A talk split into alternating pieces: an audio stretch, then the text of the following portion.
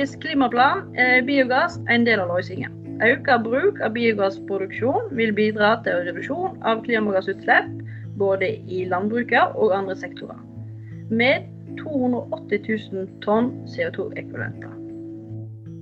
Velkommen til Vestlandsbonden. Dette er en podkast for landbruksinteresserte vestlendinger og andre som har hjerte for norsk landbruk. Her får du gode råd og påfyll av faglige tema fra Norsk landbruksrådgivning Vest. Mitt navn er Helene Elvertun, og jeg er til daglig grovfòrrådgiver. Og med oss i dag så har vi med oss ekspertene Tord Araldsen og Mariaker. Og eh, vi skal få innføring i hva biogass er, og hvordan det kan bidra til å hjelpe oss med å nå klimamålet i 2030. Velkommen, Tord. Hei, hei. Takk for det. Og nå er vi veldig spent. Du må fortelle litt om deg sjøl og hva erfaringer du har med biogass fra før. Jeg er jo da kanskje mer enn gjennomsnittlig interessert i biogass. Begynte vel å få interesse for det på, da jeg studerte på NMBU.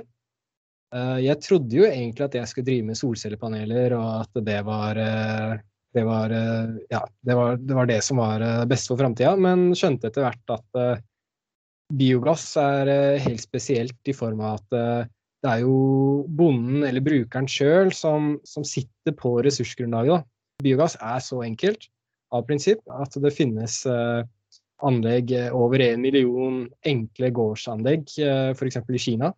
Um, så det var et eller annet med, med simpelheten rundt det. Da. Og at det er selvfølgelig bare å utnytte en helt naturlig biologisk prosess som foregår rundt oss hele tida så var jeg så heldig å, å få være med på dette her Biogass på Voss-prosjektet da, i regi av Indre Hordaland miljøverk, som da har utreda mulighetene for å bygge et biogassanlegg basert på matavfall og husdgjødsel.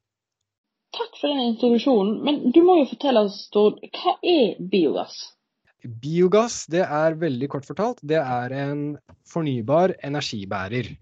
Det vil si at du kan sammenligne det med f.eks. strøm. Strøm det er en energibærer Hydrogen det er en energibærer, så du kan frakte det rundt, eh, lagre det på flaske eller konteiner container eller eh, hvordan du vil. Eller batteri i, i tilfelle med strøm, og så kan du bruke det der du trenger når du vil. Måten du produserer biogassen på, det er veldig enkelt. Du bare fortsetter den naturlige prosessen som foregår i fordøyelsessystemet til kua. Så du bryter ned hvilken som helst type egentlig, organisk avfall med hjelp av eh, bakterier. Og når du ikke har oksygen til stede, så viser det seg at de bakteriene som trives best, de produserer, puster ut CO2 og metan. Og metan det er, det er denne miksen av gasser da, som kalles biogass, hvor metandelen er den vi er interessert i det tilfellet her, som, som er helt den samme kjemiske sammensetningen som naturgass. Så det er litt det samme som skjer i vommet, som du sier. At det er bakteriene som danner metan. Det er ikke selve møket, men det er alt rundt møket som gjør at metan blir produsert.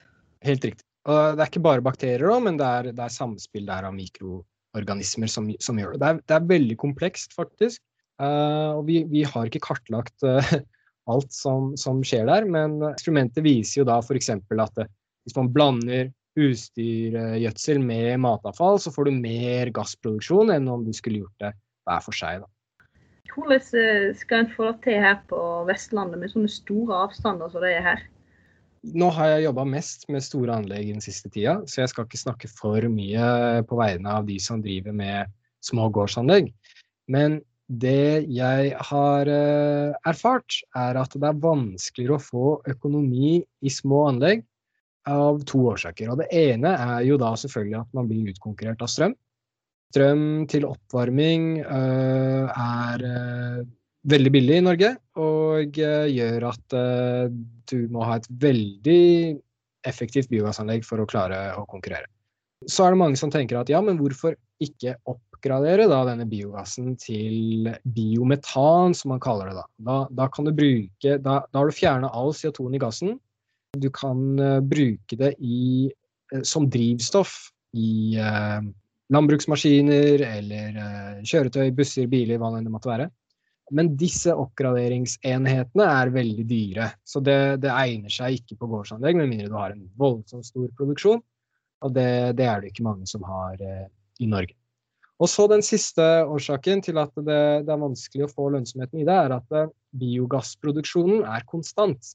Så for å få best mulig utnyttelse av gassen, så må det også være en eller annen slags aktivitet på gården som er avhengig av både strøm og varme. Kontinuerlig egentlig gjennom hele året. Og det er det Det kan godt hende at det er noen gårder hvor det vil passe perfekt på, men jeg vil tørre å påstå at det er ikke, det er ikke så mange. Så det er jo utfordringen man står overfor. Men hvis, selvfølgelig hvis man får prisen på anleggene ned, så kan jo biogass vise seg å være en fantastisk løsning. Biogass på gassnivå er nå for dyrt da, til en vanlig bonden til å ta i bruk? Ja, eh, foreløpig ja. Men jeg vil bare si at det er flere aktører i Norge som jobber med eh, å finne gode løsninger. Bl.a. en veldig interessant aktør eh, på Jæren i Rogaland som ser på å samle husgjødsel fra flere gårder. Så da får man egentlig de stordriftsfordelene ved at eh, man transporterer husgjødsel fra flere gårder, og han har også planer om å separere gjødsla, da, så kjøre gjødsla gjennom en skrupresse, sånn at det sitter inne masse mer tørrstoff. Så da er det mye mindre transport, det er billigere å transportere, og, men da får du også økonomisk støtte gjennom eh, landbruksavtalen, som gjør at eh, dette faktisk kan lønne seg men eh, hvorfor planlegger vi så små her? Er det fordi avstanden? Det er egentlig flere ting. Det ene er knytta til befolkningstetthet. Så anlegg som er eh, lenger ute i regionen. Det kan hende at de har stor kapasitet fordi de skal ta imot eh, mye husdyrgjødsel, i hvert fall planlegger for det. Gassproduksjonen i husdyrgjødsel er betydelig lavere enn for matavfall. Da. Så det er matavfallet som er litt sånn kruttet inni dette her, og så får du en litt mer produksjon når du blander inn husdyrgjødsel. Tror du at det blir kamp om matavfallet i framtida? Veldig godt spørsmål. Jeg tror ikke det, og grunnen til det er rett og slett at eh, kommunene har monopol på matavfall. Matavfall fra husholdningene, bør jeg legge til. Så de kan i stor grad selv bestemme hva skal gå til. Og ikke er det sånn at, at fylkesmennene, at en viss andel av energien skal komme for biogass? Eh, den kjenner ikke jeg til. Det er, det er noen ulike mål. Blant annet så har man hatt mål om at 30% av all husdyrgjødsla i Norge skal gå til biogassproduksjon innen 2020. Eh, det målet har vel nå blitt justert ned til 25% innen 2030. Men vi, vi, har et godt stykke på vei. Jeg tror ganske sikker på at vi ligger under 1% Ja, da har vi en vei å gå. Så, men hvorfor er ikke en kommet lenger i prosessen enn en kommer i dag? Nei, det kan du si. Um, akkurat det spørsmålet er veldig komplisert. Men veldig kort så er det knytta til uh, kostnader for uh, logistikk, transport og lagring av husdyrgjødsel. Og en annen veldig viktig faktor faktisk er tolkningen av selvkostregelverket det er tolkningen av hvor mye privat næringsavfall disse kommunene kan putte inn i biogassanleggene sine, som er kun ment for husholdningsavfall. Og husgjødsel det kan tolkes som privat næringsavfall, og dermed får uh, de begrensninger for hvor mye de kan putte inn i anleggene. Stort og komplisert tema, rett og slett.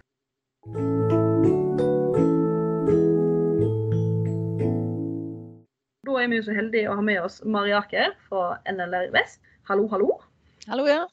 Du fikk sitter jo på kontoret på Voss og har vært med en del i det prosjektet Tord var med i. Kan ikke det du fortelle litt mer om din inngang til biogass?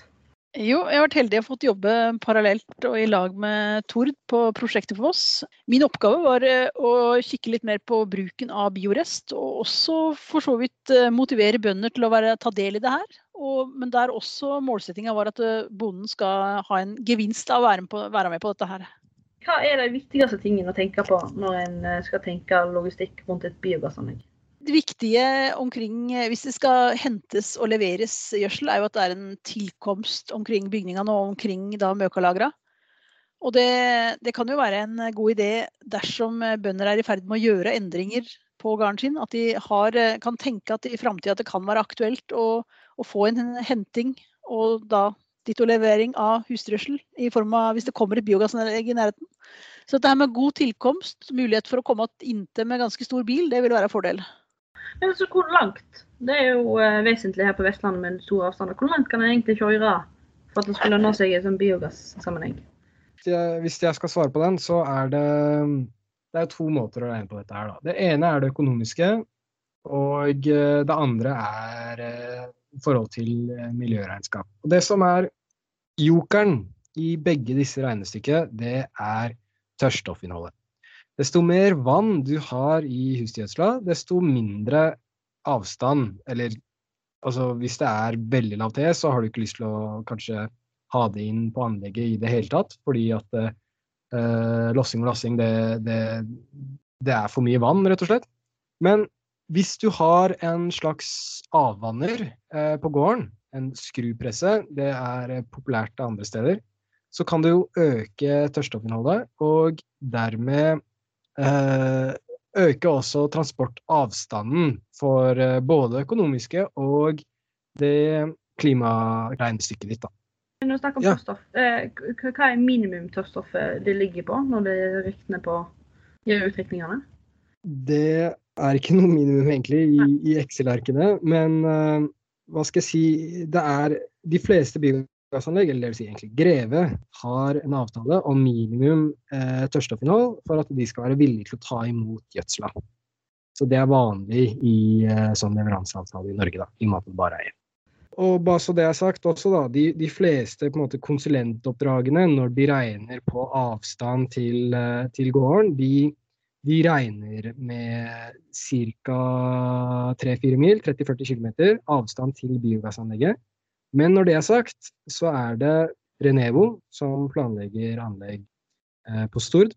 De kartlegger for et langt større rekkevidde. og Det er jo nettopp fordi at de skal avvanne husdyrgjødsel på gården. Men sånn, du snakker om logistikk, og det er jo veldig interessant for bøndene.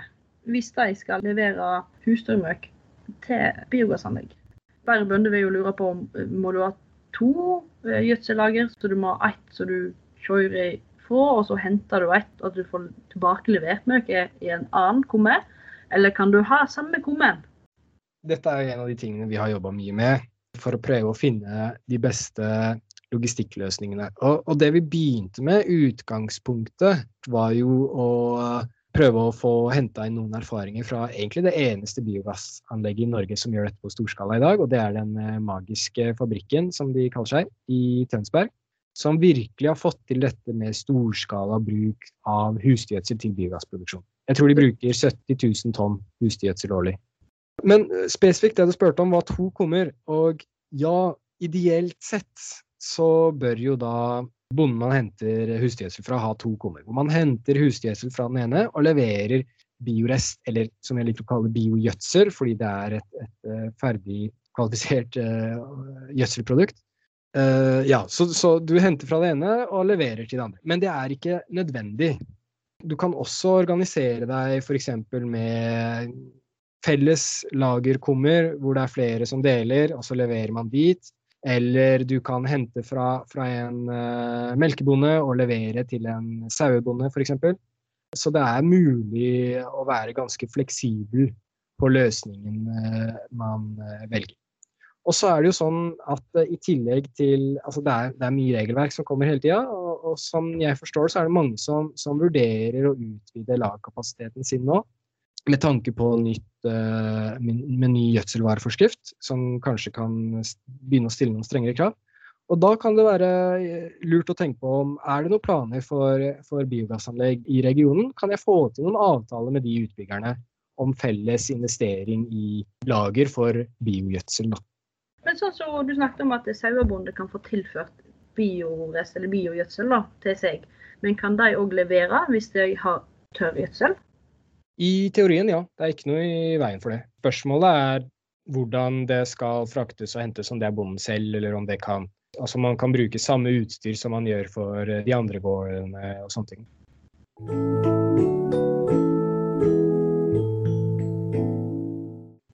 Og så har jo du noe, Mari, du har jo nevnt noe med bioresten, eller biogjødsel, som eh, Tord sa.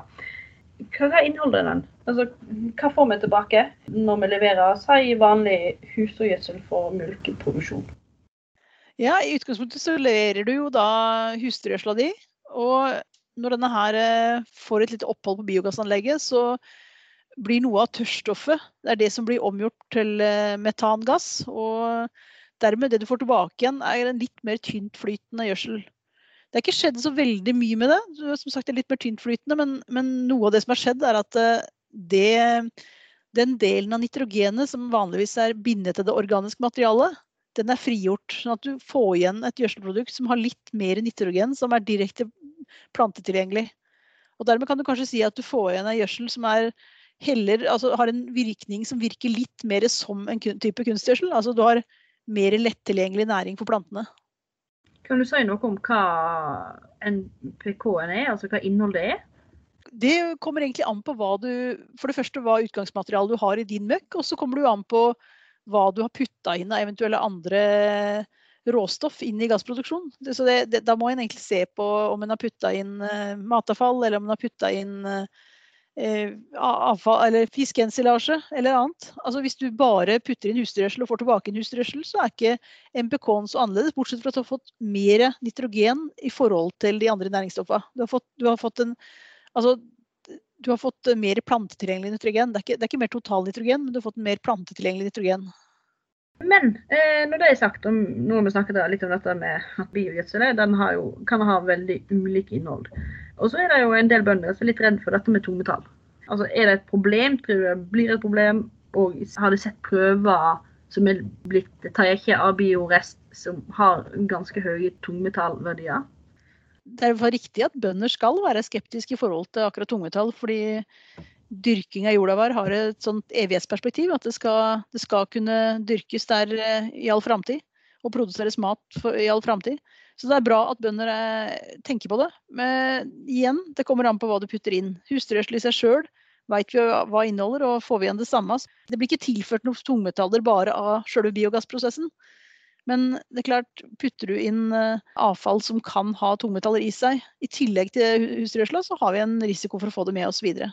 Men det må tas prøver av det, og det blir tatt prøver av alle batchene med råstoff som blir putta inn i biogassprosessen. Og det er et godt eh, regelverk som skal sikre nettopp det at eh, bonden ikke får eh, verdier av dette her som overstiger det som er lovlig og det som er anbefalt. Hvis det er så om at bonden har en avtale med leveranse og tilbakeføring av husdyrmøkk, og så oppdager en at det blir for høye tungmetallverdier i batchen som de skal motta, hvem sitt problem blir det da? Det er et veldig bra spørsmål, fordi det er utrolig viktig at vi må lage et godt avtaleverk mellom en bonde og et sånt industrianlegg som skal sikre nettopp eh, for så vidt alles rettigheter i en sånn eh, situasjon. Det er veldig bra. Tor, har du noen erfaringer der? Hvordan de gjør det andre plasser? Ja, det er påkrevd fra biogassanlegget å levere et produktblad, sånn at du kan analysere veldig nøyaktig hva som den batchen du får inneholder. Det er kanskje noe som, som blir produsert månedlig, da. Så du kan følge med på hvordan eventuelt uh, innholdet endrer seg. Og så har jeg et siste poeng, og det er Jeg hadde ikke vært så bekymra for innhold av tungmetaller. Jeg hadde vært mer bekymra for egentlig forurensning av plast. Og det gjelder jo da spesifikt for uh, biogassanlegg som skal håndtere matavfall. Og der er ikke dagens regelverk godt nok. Så det å ha en god avtale mellom eh, landbruket og biogassaktøren om hvor mye synlig plast spesielt, kanskje også til og med på mikroplast, det er det veldig vanskelig å lage en god avtale for. Men i det minste synlig plast, hvor mye av det som er akseptabelt i biogjødsla, det syns jeg er kjempeviktig. Er det mildere regler på kornareal enn hva det er i eng? Det, er rett og slett ikke lov å bruke avløpsslam eh, på overflata på eng. Det skal måles ned. og Det er, det, det er et regelverk som, eh, som, egentlig begrenser bruken av akkurat er litt mer om dette her med biorest når du snakker om det. Har en hatt forskningen på Vestlandet av biogjødsel. Altså, hvordan vil det fungere i enget? Nå vet vi at vi får jo hver batch så får vi da eh, informasjon om hva det inneholder. Men hvordan det påvirker enget, kan en eh, sannsynligvis gå ned på gjødselmengde. Vil det være bedre for for jordmikrobene, eller vil det bli dårligere for dem? Eh, vi har gjort noen eh, lokale forsøk nå der vi har eh, brukt biogjødsel. Og vi har sammenligna bl.a. med husdyrgjødsel og kompost. Og det viser seg at denne biogjødsela har gitt veldig gode altså godt avlingsresultat. Han, han gir god avling sammenlignet, også sammenligna med kunstgjødsel. Den store forskjellen er jo hvis du kan tilføre biogjødsel på areal som før ikke har fått tilførsel av noe organisk materiale, der du nå begynner å tilføre biogjødsel, da vil du selvfølgelig ha en stor innsparing i form av at du kan både ha mindre kunstgjødsel og at du kan gå over på ren nitrogengjødsel. For du vil stort sett kunne dekke fosfor- og kaliumbehovet til plantene fra den biogjødsela. Eh, hvis vi skal sammenligne hvordan, hvordan eh, biogjødsel påvirker jorda i forhold til hvordan husdyrgjødsel påvirker jorda, så er det gjort noen forsøk av dette ved NORSØK, altså Norsk senter for økologisk landbruk som eh, da ligger på Tingvoll. Og de har ikke klart å se at det er noe mer negativt ved å tilføre biogjødsel sammenlignet med husdyrgjødsel. Så lenge vi har gode rammer for det, og gode regelverk rundt, så er biogassanlegg der en får tilbake biorest, egentlig gull for bøndene, sånn sett. Jo, det kan du godt si det er. Det er eh, et eh, produkt som eh, er hakket bedre enn husdyrgjødsel, i form av at du får mer tilgjengelig nitrogen. Som du er tilgjengelig for plantene med en gang. Vanlig nitrogen i husdyrgjødsel trenger jo litt tid for å mineraliseres før det er tilgjengelig for plantene. Altså, eller i hvert fall omtrent halvparten av nitrogenet i husdyrgjødsel trenger tid for å bli gjort tilgjengelig. I biogjødsel er mye mer av dette tilgjengelig med en gang. Og det er jo som sagt den vi har sett kanskje effekt av da i de lokale forsøkene som er gjort her i området. Og så er det jo også sånn at den totale nitrogeninnholdet i husdyrgjødsel, der blir jo en del av det fordampa til lystgass. Vil den være det samme før og etter en, eh, en har kjørt gjennom en biogassreaktor? Ja, Det er et godt spørsmål. Men uh, lystgassen er utrolig vanskelig å måle. Den er litt sånn uberegnelig. Den, uh, du har noe lystgassproduksjon når det er litt, litt sånn vekslende tørre og våte forhold. Så jeg tror ikke vi kan si at det kommer til å bli så endra endra altså Det kommer ikke til å bli nødvendigvis noe mindre lystgasstap, men du har mye mindre metantap. For potensialet for metanproduksjon er jo tatt ut da kontrollert et, inni et biogassanlegg. Så du vil ha mindre metantap fra lager. Hvordan tror du det at eh, landbruket vil se i 2030? Når avtalen skal være ferdigstilt og vi skal ha oppfylt vårt eh, mål om 5 millioner CO2-ekvivalenter redusert i landbruket? Eh, jeg tror ikke det kommer til å være så store endringer, faktisk. Eh, jeg tror at den største endringen kommer til å være hvordan vi regner på de utslippene. Fordi det er jo litt urettferdig at landbruket skal være den eneste sektoren som teller biogene utslipp, altså utslipp som tilhører egentlig en lukket karbon krets, og som ikke er en del av det, den fossile utslippssektoren. Så jeg tror nok at uh, landbruket kommer til å se faktisk ganske likt ut som det gjør i dag. Har det noe det vil tilføre noe når det gjelder biogass? Jeg har et par punkter. Ja. Biogass er veldig spesielt i form av at den har noen utslippsbesparelser i flere steder gjennom hele verdikjeden. Så i tilfelle med biogass så har du faktisk først en besparelse i redusert utslipp av metan fra gjødsellager. En annen måte er at du bruker da den biogassen til å erstatte fossil diesel i transportsektoren. Og den tredje måten å redusere utslipp på, er at du kan også bruke biogjødsla til en viss grad til å erstatte da kunstgjødsel. Til sammen så er det flere, inklusive EU, som mener at biogass faktisk kan ha en klimanytte på over 100% Dvs. Si at det er bedre enn nullutslipp. Det er bedre enn mange av de alternativene. Og faktisk så kan du faktisk oppnå over 200% klimanytte. Og det, det er ikke sammenlignbart med noen andre fornybare energikilder. Dette er jo kjempekjekt å høre, og ikke minst for vestlandsbønder. Og med dette så vil jeg takke for deltakingen for Mari og Tord. Dette har vært veldig interessant. Neste episode 15. februar og da skal vi snakke om vestlandsmyre. Tusen takk til alle som lytter på. Ha en fin dag videre.